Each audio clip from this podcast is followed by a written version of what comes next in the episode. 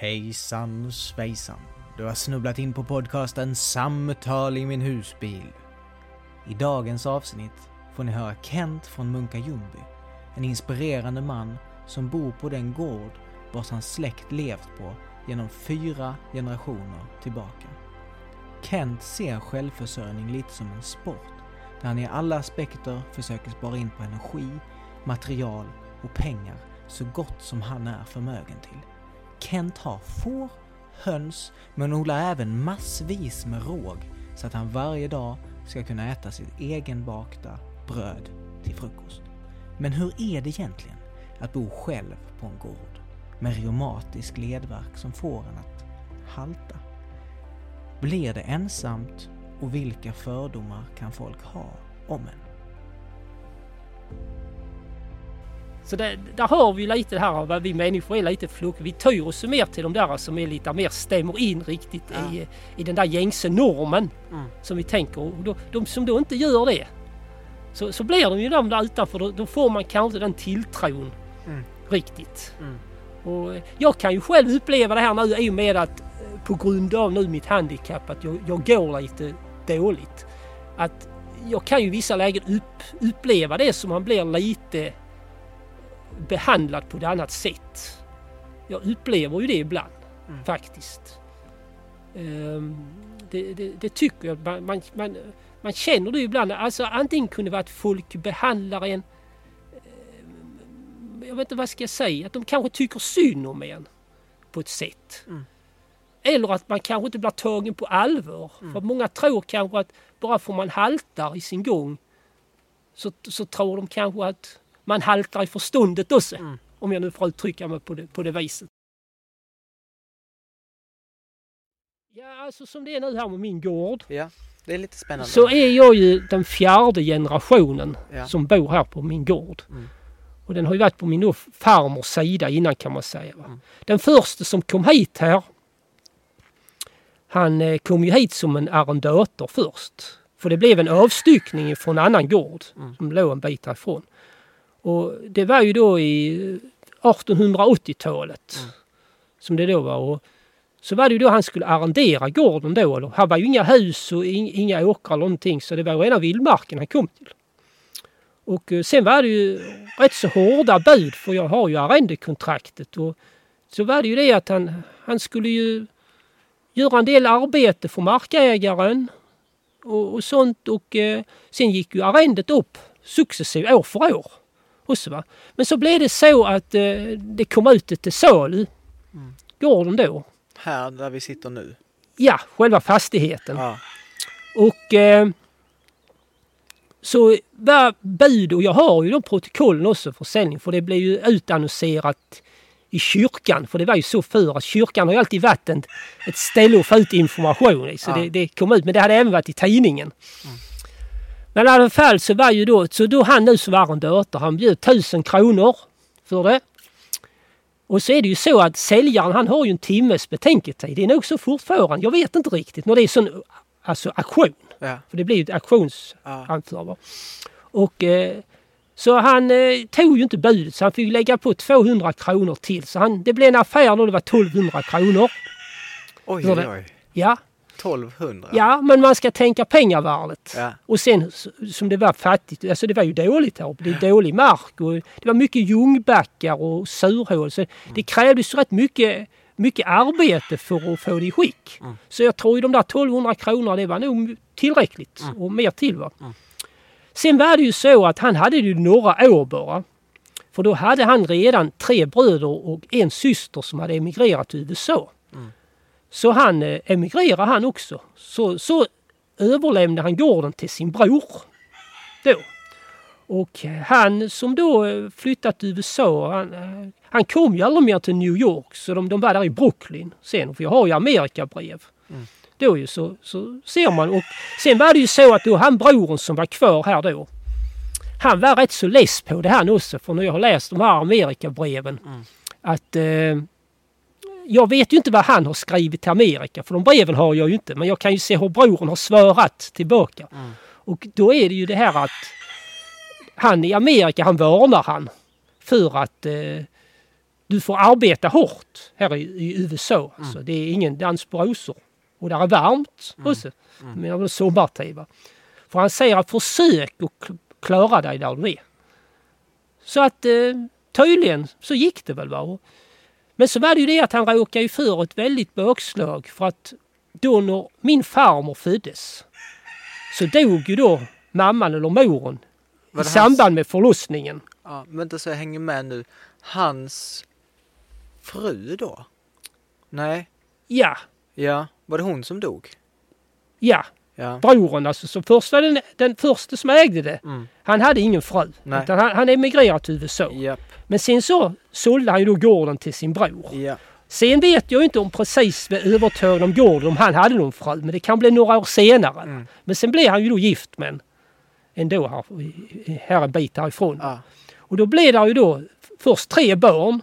Och sen så när den fjärde föddes, så det var 1901. Mm. Det var min farmor. Och då i sviterna efter förlossningen så dog ju då mamman. Mm. Så då blev han ju ensamstående med tre minderåriga barn plus ett barn som var helt nyfött. Mm.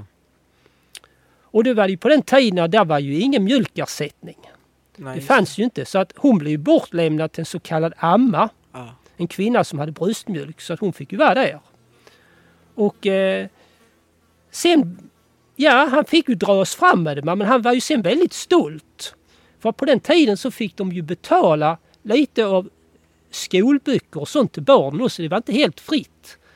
Men så var det någon som sa till han det att du kanske, kanske kunde gå till fattigvården och få, men det ville han inte ta någon hjälp. Mm. Så de var ju väldigt stolta i deras fattigdom. Men sen var det ju lite det att han hankade sig fram och så var han ju lite slaktare och, och, och sånt också. Så han hade lite sidoinkomst. Va? Och eh, så, så gick det ju. Och min farmor hon, eh, hon blev ju, växte upp sen hos sin faster. Här då i Munka Ljungby. Va? Så hon var där under skoltiden. Mm. Fram. Och sen så tog hon pi- piktjänst sen. Och sen hade hon turen så för att hon träffade på någon judisk familj. Eh, Jag vet inte, hon, de var uppe i Stockholm. Mhm. Och sen var hon även med dem över i Tyskland. För att det var ju så att hon lärde ju mig att prata eller räkna på tyska när jag var liten. Mm. Jag skrev det precis som det hördes. Mm. Men så hade hon den turen att hon fick ju TBC. Men då kunde de ju nog hjälpa henne med det som kom in på sanatoriet. Vad är tur för TBC? Tuberkulos. Okej, du med, ja. okej. Ja, det var en väldigt farlig sjukdom på Ja. den tiden. Men du sa att hon hade turen, men du, Ja, alltså tur i oturen. tur i oturen. Ja, alltså hade hon inte varit hos den här familjen så hade hon kanske inte kunnat få den hjälpen. Jag Ja, tror ja. nog lite att de hjälpte henne. Ja. Så, hon, så hon klarar ju det. Mm. Men det var ju många som dog i den här tuberkulosen. För nu pratar jag ju 1920-talet. Mm.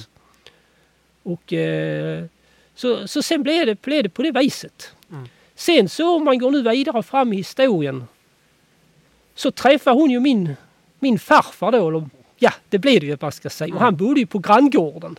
Okej. Så att han flyttade ju bara över gränsen upp till, till min farmor eller då man ska säga. Ja. Då. Var bodde hon då? Ja, då bodde hon ju här Ja. hemma då. Ja, okej. För det var ju så att hennes bror hade ju tagit över gården då. Mm. Men sen var det ju så att han, han blev aldrig gift. Så att min farmor bodde ju kvar här då så man ska säga, hon fick väl sköta om han lite med, i hushållet och, Mm. och sånt. Va? Och sen var det ju andra tider för för att eh, ja, de var mer beroende av varandra. Det var ju mer tungt kroppsarbete och sånt så det fordrade människor. Mm. Och sen var ju min farfar så jobbade han ju lite borta hos sin bror. Också, va? Så att han var mer hemma på helgerna. Men sen så fick min farfar en idé någon gång fram då på slutet av 1940-talet. Jag ska börja odla jordgubbar. Mhm. Och det var ju stora uppsvinget. För då så frågade han ju sin, alltså min farmors bror om det var okej att han odlade upp en bit. Och det gick de ju med på. Va? Mm. Så sen började min farfar då odla upp och satte jordgubbar. Och sen, sen levde han på det. Mm. Så den enda förtjänsten han hade, förutom han hade lite påhopp som han hjälpte folk, så var det att han hade jordgubbsodlingen och sen hade han hundra varphöns. Mhm. Så det var ju det han klarade sig på. Mm. Och sen min farmor hon hade ju ingen inkomst. Utan var ju bara hemmafru. Mm. Så, så jordgubbarna spelar in, in en stor roll faktiskt i, i det. Va? Mm. Så, så, så blev det på det viset. Mm. Och, och sen så sen blev det ju då fyra barn. Och de då. Och så den äldste barnet det var ju min far då. Och, eh, och han var ju också en person som gick här hemma. Den e- ena systern hon flyttade och träffade en militär så hon flyttade upp till Boden. Och bodde, flyttade upp där.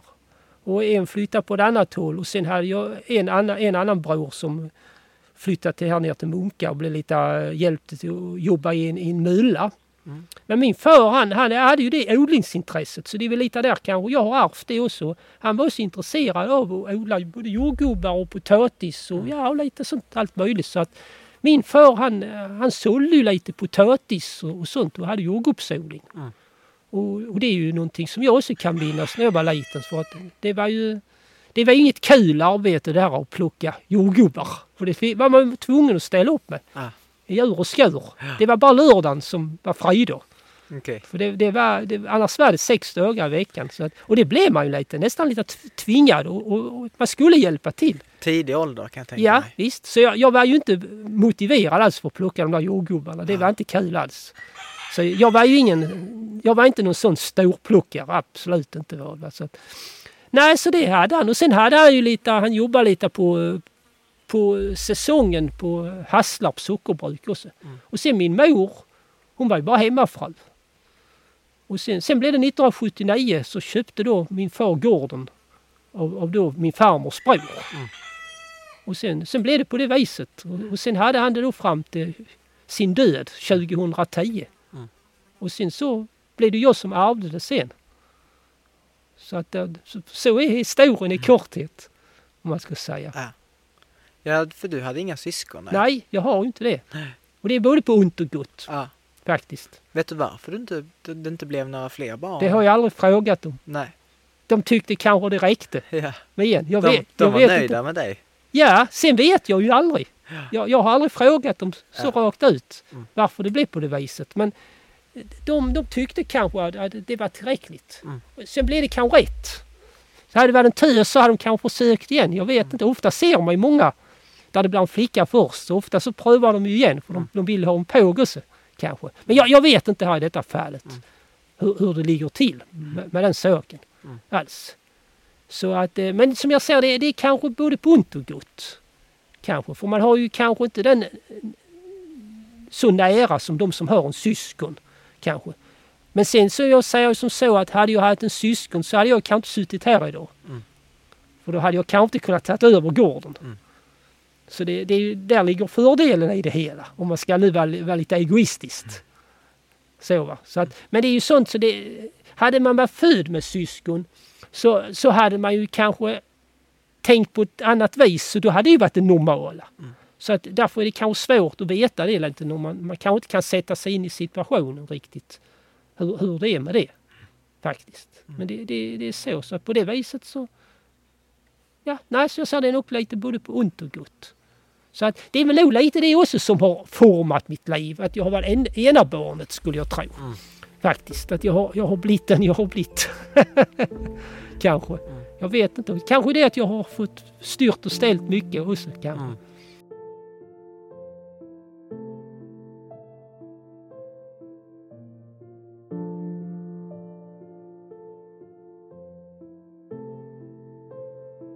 Försöker du vara så sparsam som möjligt med elen? För du, Ja. just det, du, ja. Ja. Med kylskåpet, du har inte kylskåp ens. Nej. Kan du inte berätta om det? Det var, det var lite kul tycker jag. Ja, alltså. Jag brukar säga som så här att det bästa med en hantverkare det är att han inte kommer direkt Ja, ja. när man har sagt till honom. Och då kan man hinna tänka ett varv till. Okej. Och då, då kan man börja tänka, är det någonting som jag själv kan göra? Är det någonting som jag kan göra annorlunda?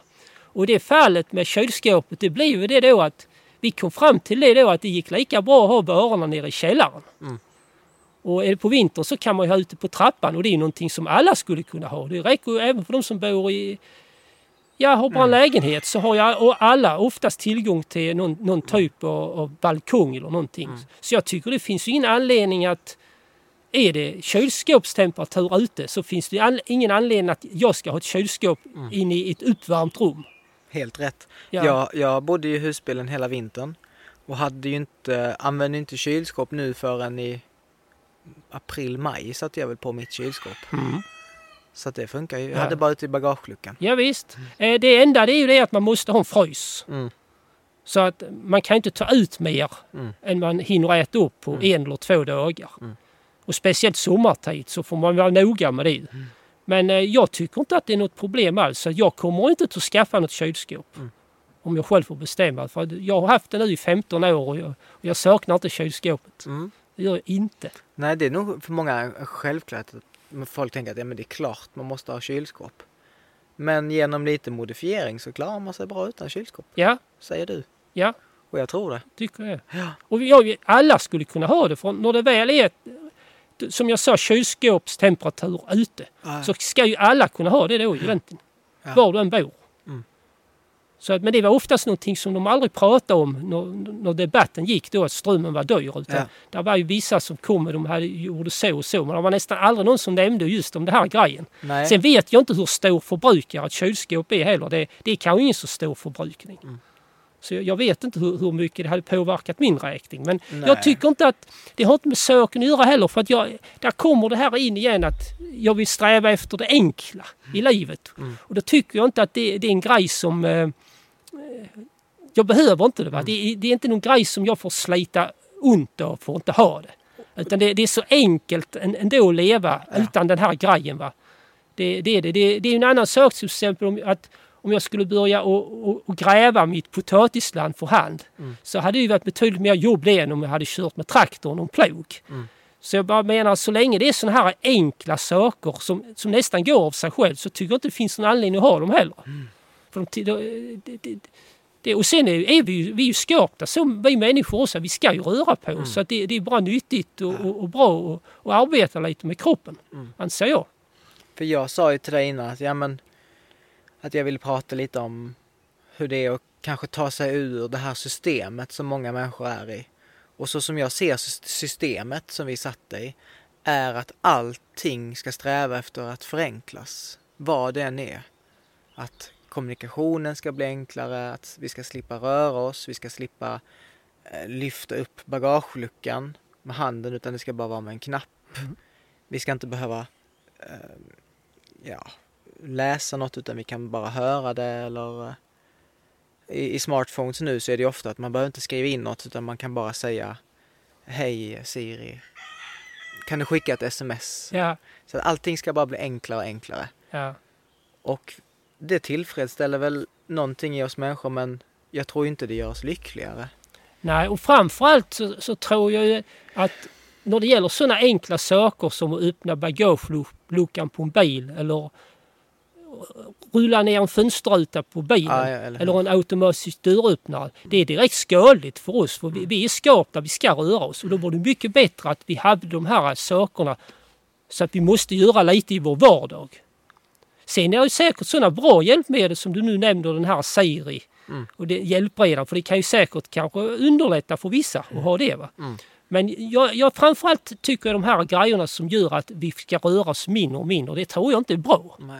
Och då menar, kan man röra sig i sitt vardagliga liv så behöver man inte ut och, och gå på något gym eller ut och springa eller någonting för då, då får man den motionen ändå. Ja. Jag har ju aldrig gått på något gym mm. någonting utan jag, jag får den rörligheten ändå. Sen vet jag inte hur många steg jag går var dag, det varierar. Va? Men, men jag, jag tycker inte att det, det finns något. För att jag tror man kan skapa det själv i sin vardag och det, då gäller det just det här att många sådana här saker som är faktiskt väldigt enkla att göra. Det finns ingen anledning att man ska ha något hjälpmedel till det. Mm.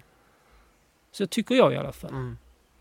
Ja, så känner jag ju med nu jobbar inte jag som, jag har ju studerat, men med jobb i framtiden att jag vill jobba med något som är fysiskt krävande. Så jag kan få komma hem från jobbet och känna att åh, nu måste jag äta och få i mig mat och fylla på med näring och energi för jag har gjort av med så mycket. Mm. Än att bara sitta framför datorn och svara på mail eller så. Nej, det vill inte jag hålla på med. Nej, jag tror inte det, det är nog inte så bra heller Nej. faktiskt. För att man blir nog... Man kan nog lätt få spänningshuvudvärk och, och sånt. Och de, de ser ju nu, det var ju en undersökning för ett tag sedan, de sa det att vi satt ju mycket stilla faktiskt. Och sen är det en annan grej som jag hänger upp mig på. Oftast man ser ungdomar idag. Att de kan ju stå in till varandra. Men de pratar ju aldrig med varandra nästan. Utan var och en tittar i sin telefon. Mm. Och det är även vuxna som gör det. Va? Och, och jag menar, var har det där samtalet tag, tagit vägen någonstans? När var och en tittar i sin telefon. Mm. Och i den världen, jag, jag skulle mer uppskatta det om folk hade börjat prata med varandra istället. Det tycker jag skulle varit mycket bättre. För att jag, jag är en sån person som hellre vill prata med en person med ansikte mot ansikte Mm. än att det ska gå via något, via internet eller vad det nu är för någonting. Ja. Och just det här med att jag tror det en del, är vikt, en del som är viktig i vårt liv är när vi hamnar i tillstånd att åh, nu känner jag mig lite uttråkad. Ehm, de förut i tiden, ja men då satte man sig ner och kanske kände efter. Ja, men hur mår jag nu? Vad är det för tankar jag har? Och man processar grejer. Men det vi yngre och inte bara yngre utan ja, många äldre också nästan alla människor. Så fort det tillståndet kommer att ja, men nu är jag lite uttråkad, då är det direkt upp med mobiltelefonen. Och vi underhåller oss med någonting så att vi ska slippa känna efter. Och då bara skjuter vi på det här eh, känslorna som vi behöver känna. Ja, det Och- kan säkert ligga någonting i det. Och det blir mer och mer avlägset och det blir ännu svårare att faktiskt, men okej nu kanske jag behöver sätta mig ner och meditera kanske och känna vad är det som bubblar i mig. Mm. Och det bubblar mer och mer och det blir ännu svårare att Ja. känna efter. Och de säger ju det att vissa som har varit med då i, i vissa dokusåpor eller vad man ska säga där de inte får ha telefonen med sig så har de ju själv sagt hur bra de mådde Mm. bak efter när de hade kunnat låtit den vara i fred. Man ska säga. Så att eh, då visar det tydligt att det, det kan inte så bra att alltid vara tillgänglig i, i alla lägen. Utan eh, vi, vi ska kanske heller, som du säger då, kunna sätta oss, sätta oss ner och reflektera över situationen i, i lugn och ro. Mm. Helt enkelt. Utan att vara påverkad av något, något som kommer just kanske via då telefonen eller någonting annat. Mm. Så det, det, det är nog rätt det du säger, absolut. Det är nog den största och enklaste flykten vi människor har nu, en smartphone. Så fort det blir lite jobbigt eller uttråkande, då är det direkt upp med smartphonen. Ja, Det Det- känner jag ju igen i mig själv och jag ser det hos nästan alla mina vänner. ja Alltså, det är en- visst. Det ser man ju alla så, så åker den ju upp och det är ju som jag sa, det är inte bara de yngre. Absolut Mm. inte, det är äldre också. Jag har ju fått sätta en sån här eh, stopp på min mobil så att om jag använt Instagram mer än 30 minuter per dag, då så kan jag inte använda det mer. För att det är så svårt att hålla sig ifrån det. Ja. Men det är lite det här att vi vill ha belöningssystemet. Ja, ja, Jag har hört någonting om det. Jo, det, det ger Mm. det väl mycket till dopamin. Ja, Dopaminen i kroppen, det, det ger nog mycket av det där. ja. Och- sen är det nog kanske, vi är ju stenåldersmänniskor i, i, i grund och botten. Och Mm. Där är kanske någonting redan där som ligger att eh, som, som kanske som gör, som gör kanske det här att eh, Mm. vi behöver den här. Mm.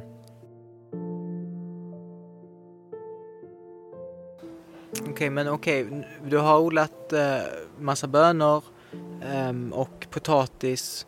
Du har också får Ja, och, och höns har vi hört här. ja. Hur många höns har du? Eh, det är sex stycken. Ja. Eh, Då blir man självförsörjande i ägg.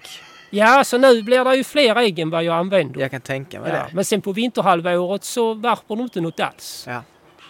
För det är ju det att eh, det har lite att göra med ljuset. Mhm. Om en höna vill värpa eller inte. Så att eh, vill man ha ägg året runt så ska man nog ha en typ av eh, ja, eh, lampa hos dem. Ja, För det ska gå. Men det har inte jag. Och jag tycker de ska ha rätt att få vila. Och så- ja jättebra Kent. Ja. För det, här- det, det vill man ju inte. Alltså det, man vill ju inte att de ska få ha ljus på sig hela tiden så de ska känna att ja, de måste varpa hela tiden. Nej, för det sliter ju på dem. Ja, ja. Jag tror ju att livslängden blir ju längre om de får gå.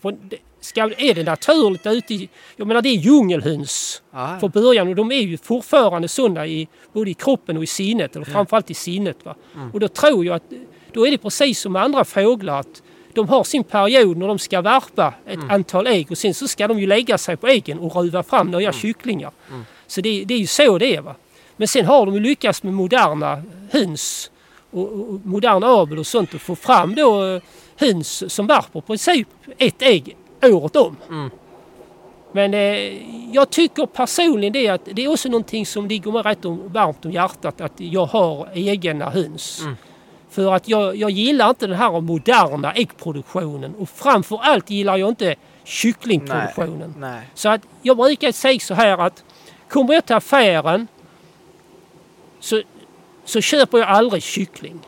Men däremot om det är någon kyckling och hållbarhetstiden har gått ut och de säljer halva priset. Då kan jag köpa det för att resonera så, så att istället för att de ska slänga den. Då så är det bättre att man använder den. Mm. Men jag, annars vill jag aldrig köpa kyckling.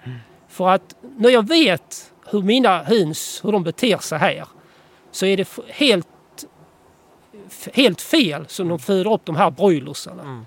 För jag menar alltså, de går där tusen och åter tusen i, i, i, i en stor hall. Och de är så övlade för att de ska växa så fort så att de orkar inte stå på sina egna ben utan de får sitta en stor del av livet.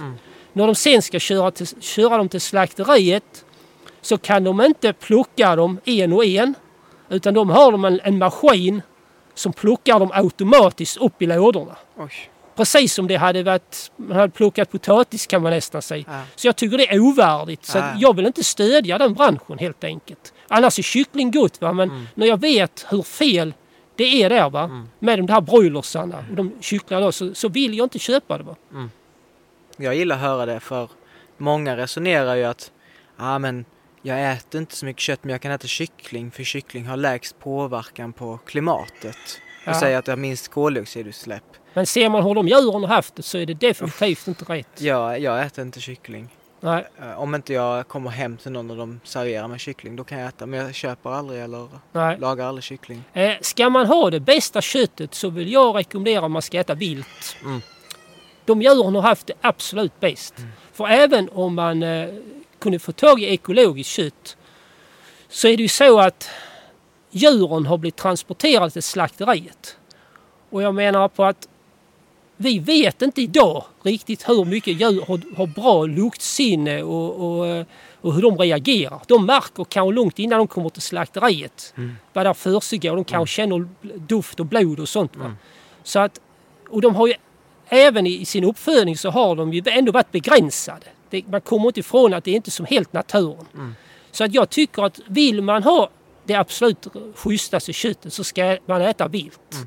Det, för de djuren har levt sitt eget liv och de har inte alls varit påverkade av oss. Och är det då så att ett, ett välriktat skott och pang tjong och de ligger där så anser jag det är det absolut bästa. Så jag brukar alltid säga och rekommendera att är ni lilla minsta osäker så ska ni välja det vilda köttet. Och det är en stor resurs som vi borde öka mm. ätandet av. För det, det, är en, ja, det är en resurs helt enkelt. För när, vi, när jag var här innan så sa du att det var viktigt för dig att inte framstå som ett original. Och det tyckte jag kändes spännande. Ja, sen kan jag ju förtydliga det att Ja. alltså ett original behöver ju inte vara någonting negativt. Absolut. Ja, Det håller, jag, tycker, jag tycker inte ett ja, original men oftast har du ju negativ klang. Ja. Att det är en udda person. Mm. Och givetvis är man ju udda person. Men sen är det ju frågan, är man udda, udda person på något negativt sätt eller något positivt sätt? Mm. För att eh, det, men sen är det ju vi, vi människor är ju flockdjur så att eh, det är ju lätt att så följer man inte flocken så, så blir man ju lite det här Mm. kanske som jag säger då lite ett original kanske. Så att det är kanske lite fel benämning på det, på det hela också. Jag vet inte riktigt. Ja, jag gillar det ordet original men det, jag tycker inte... Det kan vara bättre att säga man är originell. Ja, det kan man säga. Det ska vara lite bättre faktiskt. Ja. Det men vi, vi är ju, vi är ju flockdjur alltså. Ja. Det, de har gjort sådana undersökningar att först hade de en person som eh, var dåligt klädd. Han, han gick över gatan mot röd gubbe. Men det var ingen som följde efter han. Mm.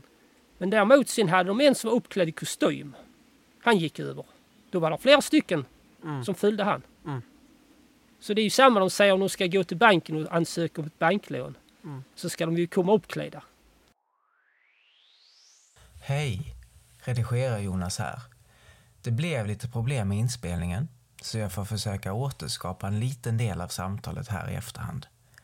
Kent sa till mig, bara för att man haltar i ena benet behöver det inte betyda att man haltar i förståndet. Och min uppfattning var att Kent kunde uppleva de här fördomarna mot honom ibland. Så jag frågade då hur det kändes. Alltså... Börjar man tänka på det så känns det inte riktigt bra. Det, det gör det ju inte. Det, det är, ju, är ju lite ledsamt kanske när man, när man väl börjar tänka på det. Va? Mm. Så bäst är ju inte att tänka på det. Mm. Lite där för att... Jag brukar skämta och säga så så här att jag har inga skyltfönster här uppe där jag bor. Mm.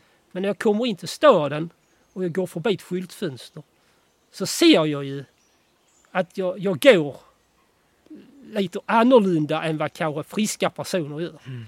Och det är kanske så också, det, jag hänger upp mig lite själv också på det. Mm. Eh, om det där då. Och det är på grund av att du, när du fick reumatism när du var 19. Ja, Har du, alltid, bör, har du alltid gått så sedan du var 19 eller kom nej, alltså allting började egentligen med en handled Okej. och svullna upp. Ja. Och sen gick det på fötterna. Så det, det har alltid varit stora och medelstora leder. Ja. Jag fått. Men sen så några år senare så satte det sig på min ena höft. Okej. Och det blev inflammationer ett par gånger. Och eh, sen blev den ju stelare och stelare. Jag försökte ju kämpa rätt mycket med den och cykla och hålla igång. Men den stelnade. Mm. Höften blev stel. Mm. Och... Eh, så jag, jag har ju inte ont. Va? Men i och med höften blev stel så blir det ju det att jag, jag går lite annorlunda. Va? Sen har de ju varit på mig och skulle operera den. Så det, ibland så är det ju där vad jag nu tänker. Ska jag göra eller ska jag inte? Men så resonerar det nästan om skönhetsoperation. För jag har, jag har inte något som helst verk Mm. på något sätt i världen. Jag har, jag har inte ont. Utan det känns ju mer det här att att det känns lite som att man skulle operera sig för man skulle bli lite mer attraktiv Mm. nästan i andras ögon. Mm. För jag tror ju man blir lite bedömd på grund av första anblicken. Mm. För får jag bara tillfälle att prata med någon så kanske jag har andra sidor. Mm. Men att när man då inte vet det och man då ser en person som är udda, går på ett visst sätt så kanske det är vissa förutfattade meningar som kommer fram. Mm. När de inte vet riktigt. Va? Då, då kanske man kommer lite, man blir felbedömd. Det är så jag upplever det lite. Att, att, som jag kan känna ibland det här. Att eh, man, när man då inte får den möjligheten eller om man kanske träffar på någon när jag sitter ner. Så det är aldrig någon fara med det för då vet de ju inte att jag, jag går lite dåligt om man säger. Va? Men det, det är just det här att eh, om, om de väl ser mig gå så, så, så känner jag det kanske att då är det, då är det kanske någon som vill kanske ha kontakt på samma sätt med en Mm. på det viset. Va? Och då, då får man ju aldrig den möjligheten att berätta vem man är och vad man har för värderingar i livet och hur det är. För det, det är ingenting som man kan se utanpå folk. Mm. Men jag kan ju skoja och säga, jag, jag har ju ingen falsk marknadsföring.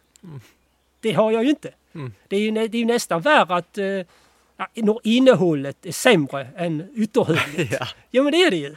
Ja. Ja, så på det viset så är, har jag ingen falsk marknadsföring. ja. På det viset. Så brukar jag tänka också förut när jag åkte mycket skidor. Så, sa jag, så tänkte jag att jag har hellre fula skidkläder och åker riktigt, riktigt bra Mm. än nya eh, styles, fina skidkläder och inte kan åka alls. Precis. Eh, det har ju många av dem sagt idag och de där eh, stora, eller de, de eh, ishockeystjärnorna. Ja, som typ som Peter Forsberg och de, de sa ju det att när de började så hade de ju mycket sämre utrustning än vad dagen, Mm. dagens ungdom har. Mm. Och att jag tror nästan det är bra att de, när det var det här den tiden när de hade lite sämre utrustning. Utan eh, nu så är det så att de ska ha den här fina utrustningen och det, det Ja. har inte alls med hur, hur de sen blir. Jag, jag tror Mm. nästan det kan vara bra att de blir danade lite, lite Mm. sämre faktiskt. Jag tror det. Jag tänker så här. Att om man har någonting då till det yttre som kanske kan- skrämmer iväg folk. Så kan, man, kan jag tänka, har jag tänkt ibland att ja men vad bra då att de människorna blir avskräckta och jag, och jag sållar bort de människorna som kanske då inte eh, nu uttrycker jag mig kanske lite hårt men som kanske inte är värdiga att få komma in i min vänkrets eller min värld. Där jag hellre då umgås med människor som inte dömer mig för det yttre. Nej. Och det kanske kan vara bra att ha en sån grej att eh, ha någonting som eh, är till det yttre som får folk att tänka att jaha, vad är det här för en konstig människa? Så att vi sållar bort de människorna som då inte är värdiga oss. Mm. Men då vill ju komma så som man verkligen får kontakt med dem. Ja, precis. Så man inte vänder dem ryggen Mm. alltså redan efter första anblicken. Mm. Så det, då gäller ju att du- man måste ju låta dem komma till tals. Ja. Och det, det är det som jag menar att man kan uppleva ibland det här. Mm. Och jag tror inte jag är enig om det faktiskt, om man är lite handikappad. Va? Vad sa du? Du tror inte att du... Nej, jag menar alltså det här att många de dömer efter första Ja. blicken, va? anblicken. Och jag menar det kan inte bara folk som lider av att de går kan lite dåligt. För det var som någon så det kan även personer som är överviktiga, de också blir dömda. Va? Mm. Och, men de får aldrig den möjligheten att, att börja prata. Mm. För man kan säga att om all, vem, vem det nästan är, att sätter de sig ner och, och börjar prata så har man ju en hel massa att komma med. Så är det ju med oss alla. Vi har ju en livshistoria och, och, och, vi har ju vissa synpunkter både på det ena och det andra. Så att eh, det tror jag, men det gäller just det här att få komma till tals. Mm. Så att eh, det är det som jag... Jag tänker bara på en sån sak som egentligen man ser i tvn. De har alla de här inga datingprogrammen. Att då är det ju rätt så unga personer och friska personer så ofta som visar upp. Men de skulle ju kanske hellre haft de som har någon typ av handikapp. Mm. Jag menar, de hade kanske gjort dem större nytta. Men då, då, då är det det att det kanske inte passar riktigt i, i bilden som, eh, som televisionen vill visa upp heller. Nej, ofta kanske är hellre se den här felfria, perfekta människan. Va? Mm. Det, det, kan, det kan vara lite det också som gör att då, många hade kanske tagit illa vid sig om de hade gjort program till sådana människor. Ja. Att de, de menar de hade kanske exploaterat deras, deras olycka. Mm. Kanske att de menar på att de, de är mycket mer i desperat behov av att träffa någon på, på grund av att de har jättesvårt för att, att, att komma ut och sånt. Va? Så då hade det kan blivit fel på det viset. Men alltså tror jag kanske det hade gjort större nytta på något vis. Jag, jag vet inte.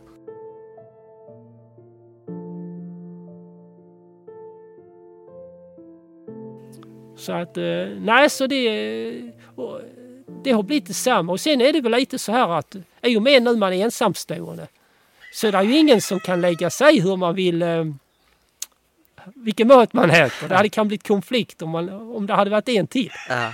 Och, så. och sen brukar jag resonera i och med nu jag är själv att eh, jag drar ju inte olycka över någon annan. Jag tvingar ingen annan person att göra som jag. Utan i och med jag är själv Mm. så, så tycker jag, och sen är det väl för den delen att, att hade det varit en person till så hade jag ju säkert respekterat den hur den vill. Men nu, nu är ju livssituationen som det är att jag, jag bor själv. Och, och då, då tycker jag då kan jag ju råda mig själv och bestämma hur jag själv vill ha det Mm. faktiskt. Så, så så tycker jag i alla fall. Och se, sen kan det ha kanske ha sina för och nackdelar att bo själv också, absolut. För att man kanske många gånger saknar lite ett bollplank Mm. Med någon. Och för oftast man kanske går och grunnar på, man har idéer och sånt men då, då har man ingen som man kan kanske höra vad de har för synpunkter på saker och ting. Så att det kan jag tycka är, är, är lite synd där faktiskt. Det kan man sakna ibland. Har du alltid levt själv? Sen?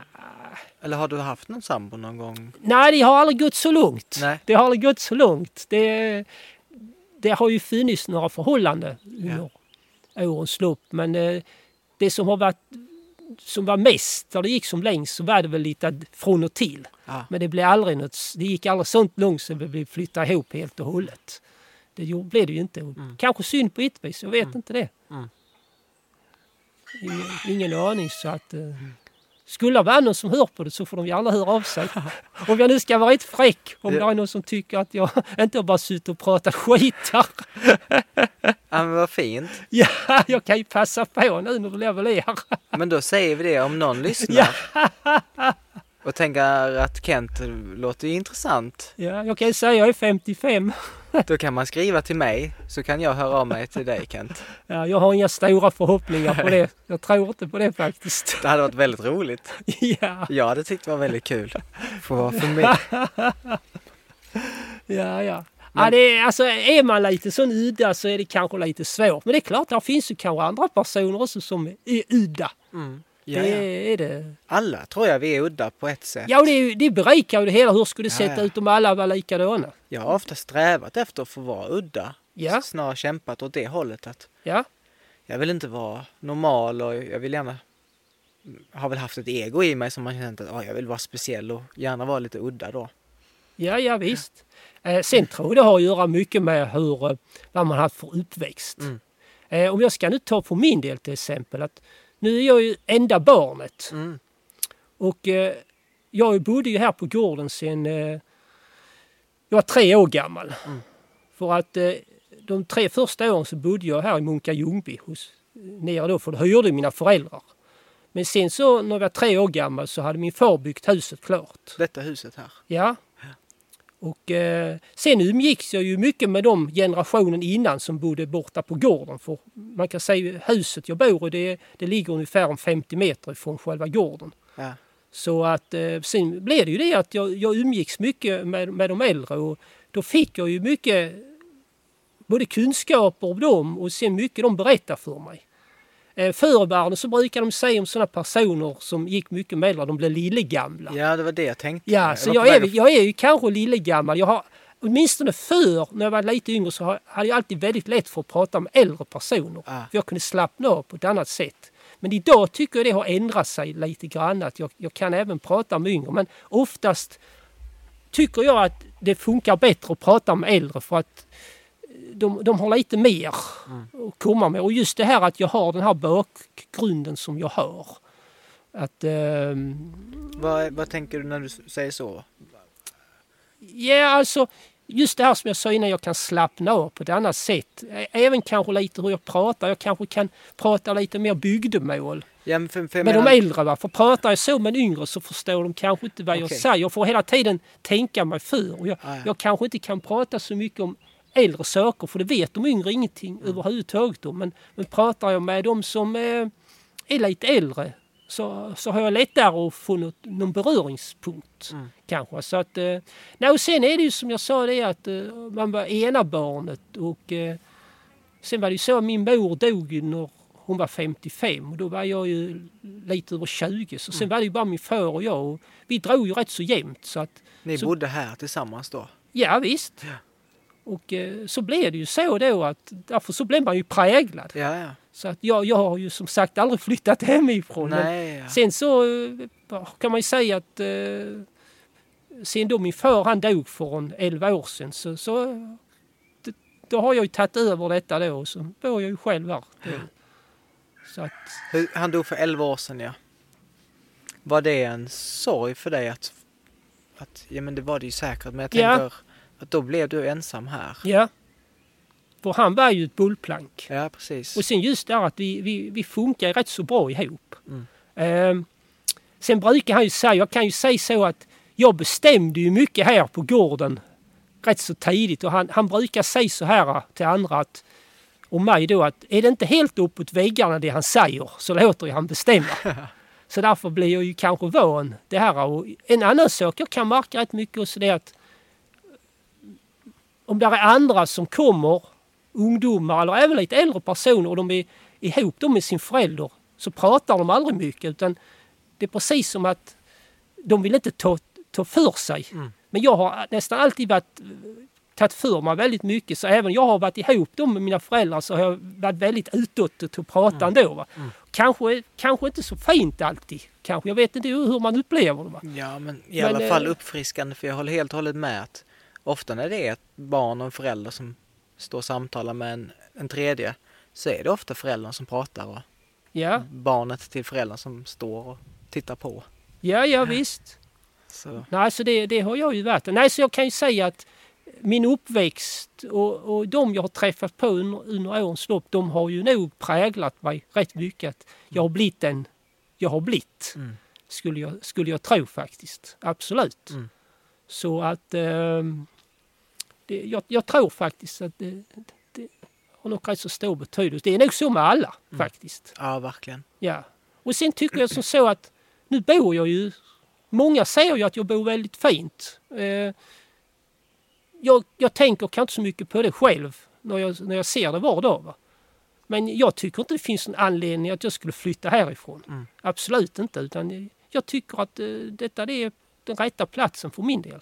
Mm. Faktiskt. Så här tänker jag vara kvar. Så. Hur det sen blir om, om de får bära mig med fötterna före eller om jag går på egna ben, det vet jag inte. va. Men eh, det, det tycker jag faktiskt att eh, det är mitt allt, Mm. detta. Så, så så är det. Mm. Om man nu ska så att... Men kan du känna att, att det finns en stolthet i att få se dig själv som originell? Också? För du har uttryckt... Mer nu när man är äldre. Ja. Mm. För du, det låter ju som att du uttryckte lite innan att det har känts lite jobbigt ibland. Att, Ja, men yngre var det ju, var det ju mer. Det, det, det, är ju, det ser de ju oftast när man blir äldre så struntar man i vad andra Ja. tycker. Mm. Så att eh, man är nog mer det idag. Mm. Mer kanske nu- man, man struntar i det helt Mm. enkelt. Man, man är kanske mer formbar när man är yngre mm. på ett annat sätt än när man blir äldre. Va? Utan då, är, då är man kanske lite mer att man, eh, man har kommit in i sina rutiner va? och man bryr sig inte så mycket vad folk tycker och tänker. Så det kan vara lite så också, men sen, sen kanske inte det stämmer i, i alla lägen fullt ut. Precis som jag sa innan med att jag upplever mig att jag går lite dåligt och sånt. Så att där kanske inte jag helt och hållet struntar i det. Kanske, utan då, då kan, men det kan ju vara jag har bara en fix idé också. Ja. Det vet jag. Va? Men jag menar just det här att, att jag lever som jag gör. Det är ju någonting som jag inte bryr mig ett dugg om. Andra de får göra som de vill. Men jag, jag känner en stolthet. Det är kanske delvis som du säger att vara lite originell. Just på det viset att jag, jag inte anammar det här ekorrhjulet fullt ut riktigt i alla lägen. Ja. Utan jag, jag vill kanske ha en annan livsfilosofi. Kanske. Jag resonerar så att friheten kan vara mer värd än att tjäna en massa pengar. För man kan ju tänka sig, de som då jobbar mycket från, från 7 till 4 eller från 9 till 5 eller vad det nu är. De kanske tjänar mycket pengar. Men när ska de hinna njuta av allt det de kan köpa för sina pengar? Mm. När ska de kunna nju- njuta av, av sitt fina badrum som de har lagt ner över 100 000 kronor i och sitta i sitt bubbelbadkar? De måste jobba alltid för att hålla igång det. Så det, det, man får ju, det kostar ju arbeta för det, det tar ju mycket av sitt, man lägger ju mycket i sitt liv som försvinner. Mm. Bara på grund av att man ska tjäna pengarna. Så att jag kan ju säga som så att hade, jag tror faktiskt så att hade jag haft ett, ett förvärvsarbete och jag hade tjänat mycket pengar så tror jag att när jag väl hade fått ihop ett några miljoner så hade jag nog slutat. Då hade jag inte velat arbeta. Eller så hade jag kanske bara arbeta halvtid. För jag anser att friheten är mer värd än pengarna. Mm. Absolut. Jag tycker det. För man har ju bara ett liv. Och- För, för många blir det nog en lång väntan på pensionen bara. Ja, På att få bli pensionär. Och så vill man inte leva. Nej, och jag menar många de bara tänker så hela tiden att jag måste ha en hög inkomst. Och jag ska ha en hög inkomst. Men de ska ju trivas med det de gör. Vad är det för roligt om de vantrivs med vad de gör? Det är väl inte värt en, en hög inkomst? Jag kan inte förstå det. Inte på något vis i världen. Utan eh, jag tycker att trivs man någonting så är det väl viktigare det. Mm. Och, och sen som för min del att man, man kan, eh, då, då är det bättre att ändra sin, sin livshållning och, och leva lite enklare. Då. Och så, så behöver man inte arbeta så mycket. Och sen så hör många de säger att de har inte råd att gå i pension. För de kommer inte att få så lite. Mm. Ja, sen kanske de hinner avlida innan de får någon pension. Mm. Och jag menar, vad har de tjänat på det då? Ja. Ingenting överhuvudtaget. Och sen brukar jag resonera så också när det gäller här med besparingar att de besparingarna jag hör det är inte, det är inte att jag kan köpa något Alltså, eller att jag jag kan köpa något för pengarna men det är att om någonting skulle gå sönder då har jag ju den möjligheten. Jag behöver inte ligga och grubbla. Vad ska jag göra nu om min panna går sönder? Hur ska jag nu få de pengarna? Var, var får jag de pengarna? Nu vet jag att... Så alltså, jag anser att pengar det ger mer en trygghet att veta att jag kan köpa något om jag behöver. Men jag går inte och köper något om jag inte behöver någonting. Det är lite så jag resonerar. Va?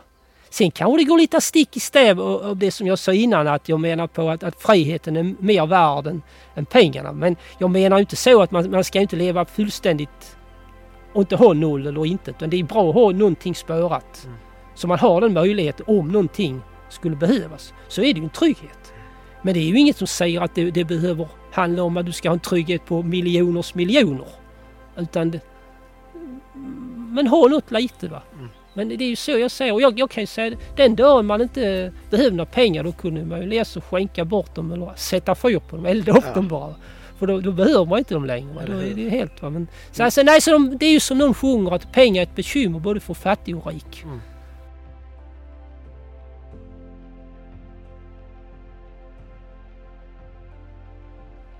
Hej! Redigera Jonas här. Tack så mycket för att du har lyssnat på det här avsnittet med Kent från Munke-Ljungby. Och tack Kent för att du ville vara med. Och till slut även ville vara med på en bild som ni kan se på Instagram, Samtal i min husbil. Det här var mitt sista avsnitt i Skåne innan jag beger mig iväg upp mot Haparanda. Vart jag stannar på vägen, det får vi se. Jag har ett par platser jag har känt att dit vill jag, men sen så kan man ju ledas åt olika håll i efterhand. Om du tyckte om det här avsnittet så får du gärna dela det vidare. Det är jag väldigt tacksam för. Och om du gillar det jag gör så är det fritt fram att swisha valfri summa till 0722 05 2122. Och glöm inte att höra av dig om du tycker att jag ska komma förbi din by vi kanske, kan... jag ser framför mig att folk skriver ah oh, hej Jonas, kom hem. Vi spelar brädspel. Ja, jag är med. Typ. Men det, det vet jag inte. Vi får se vad som händer. Förlåt. Och du kan även tipsa om intressanta personer att samtala med. Då kan man skriva på Instagram, samtal i min husbil, eller mejla mig på bendrotjonas 96 snabla gmail.com.